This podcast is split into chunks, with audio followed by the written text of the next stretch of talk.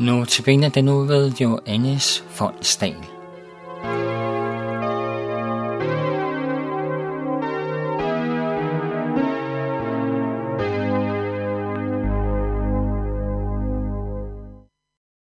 Skal torsdag aften spiste Jesus det sidste måltid med sine disciple inden sin død. Han vidste nemlig, at han skulle korsfæstes og dø næste dag. Jesus vidste, at det ville blive meget svært for dem at undvære ham. Han ville derfor gerne opmuntre dem. Jesu disciple havde ofret alt for ham. De havde forladt deres familie og deres gode arbejde derhjemme.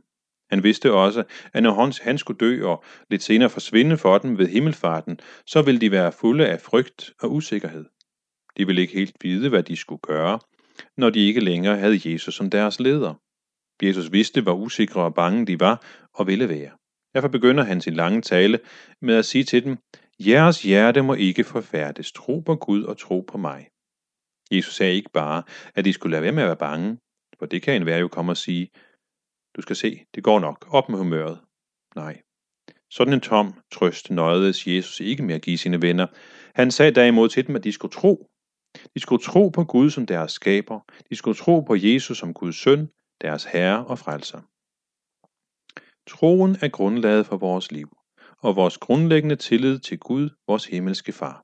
Vi stoler på, at han holder af os, og altid vil sørge for os. På samme måde tror vi på Guds søn Jesus Kristus, at han er vores frelser, ven og bror. Vi husker på, at han viste os den største tænkelige kærlighed ved at gå i døden for os. Endelig så tror vi også på Guds helligånd. Vi tror på, at selvom vi ikke ser Gud, så er han alligevel altid hos os ved sin ånd. Det var lige præcis det, som Jesus dengang ville have sine, sine 12 venner til at forstå. De har været vant til at være sammen med ham hver eneste dag igennem tre år, men selvom de nu ikke længere fysisk kunne være sammen med ham, så vil han alligevel være hos dem. Jesus lovede dem, at når han ikke selv mere var til stede iblandt dem, ville han sende en anden talsmand, Helligånden, som skulle være hos dem for altid. Skal torsdag aften lovede Jesus dem også, at han en dag ville komme igen og hente dem, for at de så altid skulle være sammen med ham hjemme hos Gud i himlens herlighed. Når han nu forlod dem, så var det kun for en tid.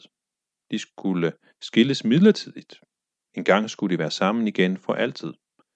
Så det kunne de se frem til.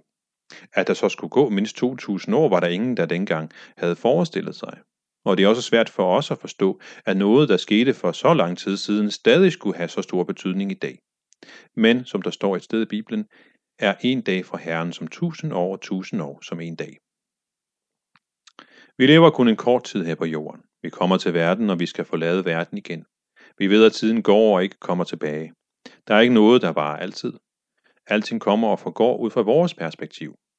Derfor kan vi ikke forstå, at der findes en anden dimension end tidens dimension. Gud findes i evighedens dimension. Han er uden for tiden, men han er grebet ind i tiden.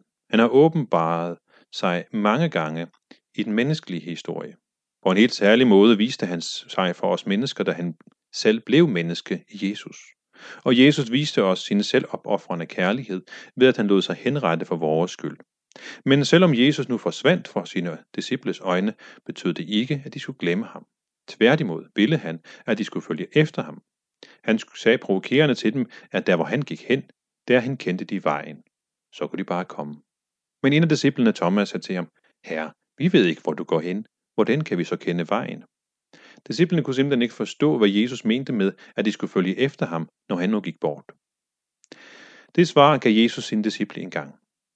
Og det svar er også et, det svar, vi kan bruge i dag. Jesus svarede dem ved at sige, Jeg er vejen og sandheden og livet. Ingen kommer til faderen uden ved mig. Kender I mig, vil I også kende min far.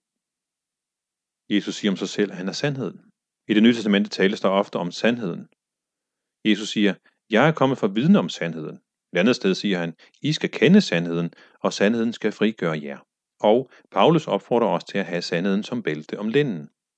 Men sandheden er ikke bare et tankesystem, vi skal gruble os igennem eller tænke os frem til. Det er ikke bare en teoretisk livsforklaring, hvor alt går op. Sandheden er heller ikke bare det samme som ærlighed. Bare man er ærlig, siger folk, så kan der ikke forlanges mere af os. Men det kommer så sandelig an på, om de tanker og forestillinger, der fylder mit sind, stemmer med virkeligheden. Ellers lever jeg jo alligevel på en løgn, selvom jeg er nok så ærlig. Sandheden er en objektiv virkelighed. Den er noget praktisk, den er et med selve livsvirkeligheden. Der er også en anden vigtig detalje vedrørende sandheden og virkeligheden. Hemmeligheden ved virkeligheden er, at den erkendes kun af den, der indretter sig efter den. Den flytter sig ikke, fordi jeg ikke vil bøje mig for den. Den bliver ved med at være virkelighed. Lad, lad mig illustrere det med en lille fortælling. Nu er de fleste øh, fotografiapparater digitale, men lad os forestille os et fotografiapparat af den gamle type med film i. Når man fotograferer med et sådan og har indstillet apparatet rigtigt, så frembringer genstanden, man tager et billede af, i sit eget billede på filmen. Sådan er det i vores forhold til livets egentlige virkelighed. Skal vi finde sandheden, må vi indstille rigtigt, vi må indrette os efter den. Sådan bliver der en sammenhæng mellem de to ord, sandheden og vejen. Sandheden er en vej, man skal gå. Du skal gøre sandheden, siger Guds ord. Du må indlade dig, uden forbehold med Jesus selv. Når folk vil tale hånligt om kristendommens sandhed på grund af de kristnes synder, så skal de vide, at man ikke kan bedømme en læges dygtighed ud fra de patienter, der ikke har villet indrette sig helt efter hans vejledning. Det er Kristus, du må tage stilling til, for det er ham, som er sandheden.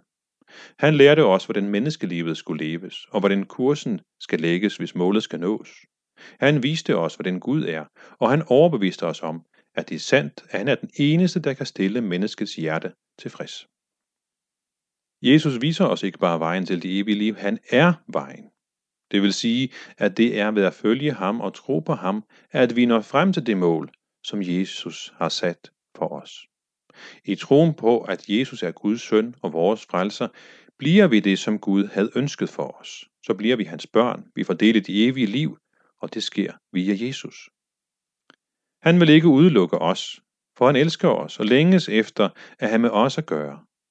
Vi må altid komme til ham netop sådan, som vi er. Og når vi kommer til ham, så siger han, følg mig. Ja, følg mig på vejen.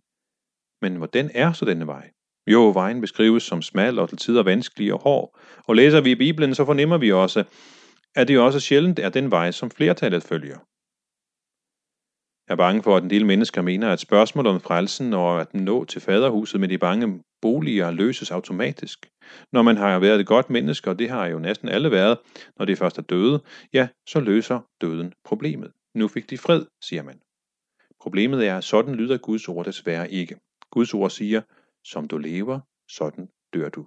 Vejen til faderhuset med de mange boliger er smal og vanskelig, og vi når aldrig vejen frem ved egen hjælp, men af Guds nåde og hjælp.